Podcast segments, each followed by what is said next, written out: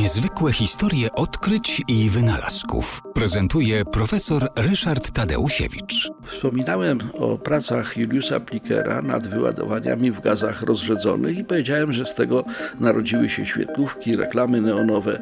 Natomiast był człowiek, któremu to nie wystarczyło, że bardzo piękne efekty dawał ten gaz rozrzedzony.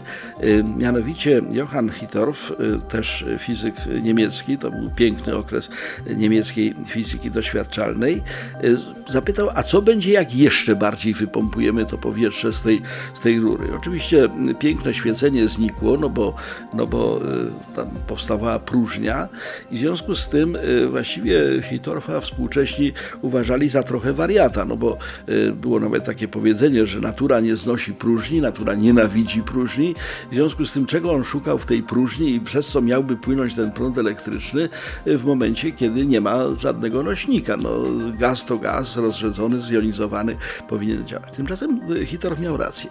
Okazało się, że prąd elektryczny mógł płynąć także przez próżnię, dlatego że y, prąd elektryczny to jest ruch strumienia elektronów.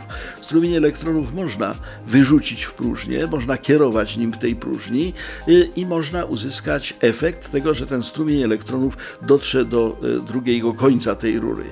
I to, co wykrył Hittorf, to była zadziwiająca zupełnie taka, takie zjawisko. Mianowicie w rurze, w której, a właściwie w takiej kolbie, która była całkowicie opróżniona z powietrza, po przyłożeniu napięcia pojawiał się ten strumień elektronów, oczywiście niewidoczny, ale kiedy on docierał do drugiego końca tej kolby, tam szkło zaczynało świecić. Uderzane e, strumieniem elektronów szkło zaczynało świecić. Bez tego nazwano to promieniami katodowymi, bo e, ten strumień elektronów był wyrzucany z katody, odpowiednia anoda odpowiednio go tam kierowała i e, świecenie tego, tego e, fragmentu e, szkła po drugiej stronie było właściwie kluczem do tego, co potem zamieniono na telewizję, ale co również było podstawą wynalazku Wilhelma Rentgena e, związanego z promieniowaniem rentgenowskim i odkrywaniem wnętrza ciała człowieka, bo okazało się, że